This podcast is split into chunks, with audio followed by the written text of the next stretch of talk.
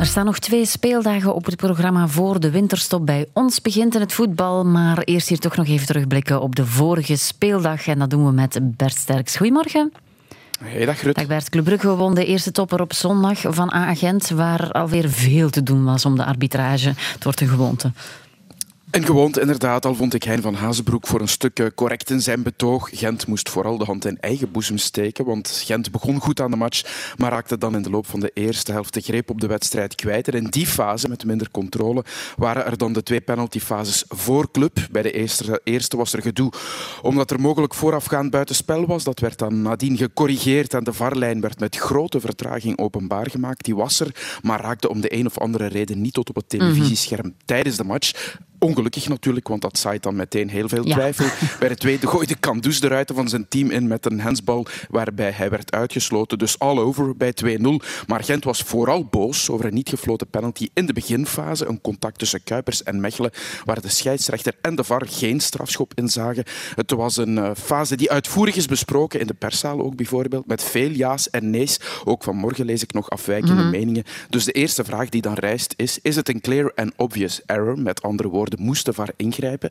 En ook in de luttele seconde ervoor trapt Tissoudali op de voet van Nielsen, die ook nog geblesseerd van het veld moest nadien. Het gebeurde in dezelfde spelfase, dus zelfs als de ref en de VAR de inschatting hadden dat het penalty was, hadden ze die fase ervoor ook moeten inschatten. Mm. Het zijn allemaal emoties en frustraties die begrijpelijk zijn in de heat of the moment, die uh, ook veel te maken hadden met de niet bestaande varlijn die in Mechelen een week ja. eerder in het nadeel van club was. Dus nu zou het dan maar in het voordeel van club moeten zijn. Dat was achteraf een beetje de teneur. En dat zijn natuurlijk vervelende insinuaties voor het referee department, waarvan ik me afvraag of ze uiteindelijk gaan vooruit helpen. Want, en je zou er bijna ook door vergeten dat het gewoon een slechte match was, want Gent was met zijn tienen uitgezongen.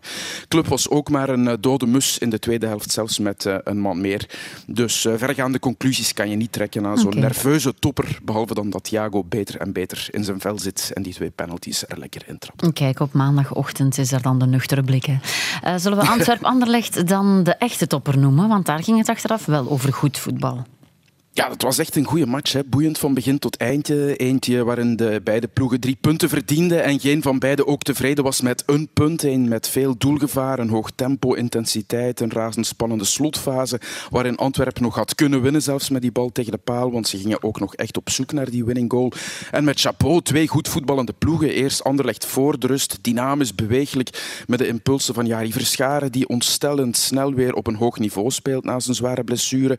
Er was ook Leoni, werkkrachtig, infiltrerend, goed aan de bal. Zelfs Sardella, die zo vaak is verguisd, speelde een dijk van de wedstrijd. Ze vonden elkaar als op de betere trainingswedstrijdjes op neerpeden. En het is dan bijna zonde dat de goal kwam na een ongelofelijke blunder van doelman Buté van Antwerpen. Dat het dan na de rust overnam, beter werd. Na een uur zowat ontwikkelde Antwerpen powerplay. Niet altijd even mooi en verzorgd, maar het leverde wel een hoop kansen op. Vooral voor de jonge George, die dan uiteindelijk gelijk maakte. En alles samengenomen kan je stellen dat Anderlecht een uur goed was in een topmatch. Wat toch vaak de kritiek was, dat het mm -hmm. daarin voetballend teleurstelde. En dat Antwerpen ook wel beter wordt. De twijfels van een tijd geleden, dat het niet avontuurlijk genoeg was, te afwachtend, schudt het langzaam van zich af. En dat is alleen maar veelbelovend voor de strijd bovenaan, waar Union alweer de grote winnaar is. Want de nummers 2 tot en met 4 hebben punten verloren. Maar vooral onthouden reclame voor het voetbal. Ah, ja, goed. Dat is goed dat je dat zegt, want er was alweer een keer, zeiden ook, hè, Standaard ontving zaterdagavond Charleroi. Dat is een duel met grote rivaliteit. Dat mag ook zo zijn, maar het vuurwerk wordt wel best gezien op de juiste plaats. Ja, en het gebeurt niet zo vaak, Rut, maar toen ik thuis kwam, zaterdagnacht, had ik echt het gevoel dat ik mijn avond beter had kunnen besteden in de zetel of op café. En ik denk dat er vele voetballiefhebbers hetzelfde over dachten. Het was de absolute anti-reclame van het gehele concept voetbal. En ik heb het dan over het sportieve, want de match was een absoluut gedrocht. Alles wat voetbal niet moet zijn. Standaard was al al het goede van zes dagen eerder op Anderlecht alweer vergeten. Maar ik wil het uiteraard over meer dan dat hebben, namelijk over de zoveelste keer gedoe tussen supporters, hooliganisme.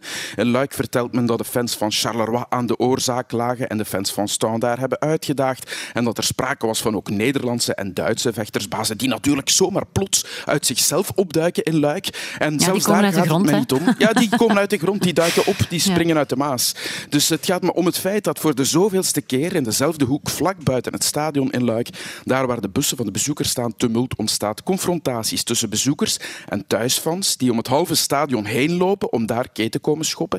Idioten die het nodig vinden om voetzoekers en andere bommetjes naar politiepaarden te gooien. En op zich viel het zelfs nog mee in vergelijking met vorige keren. Ik heb daar in die bewuste hoek al veel ergere dingen gezien. Alles wat grijpbaar is door de lucht zien vliegen, brandbare dingen, dikke stenen die dan bijvoorbeeld het raam van een bus verbrijzelen.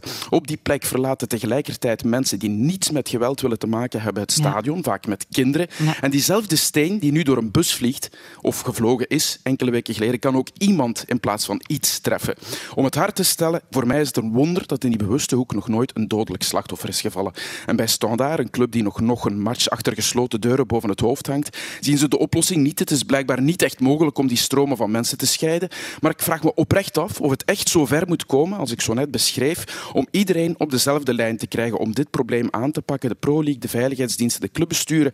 Het ging verder dan dat. Het bekogelen van een bus van Charleroi, bivakmutsen alweer op de Bozuil en op Sclessin, het ergerlijke en belachelijke schijnen met een laserlampje in de ogen van doelman en scheidsrechter, het gooien van bierbekers die nu herbruikbaar zijn, dus harder, dus die komen ook harder aan. Bijvoorbeeld op de fotografen die beneden aan het werk aan het, uh, aan het terrein zijn.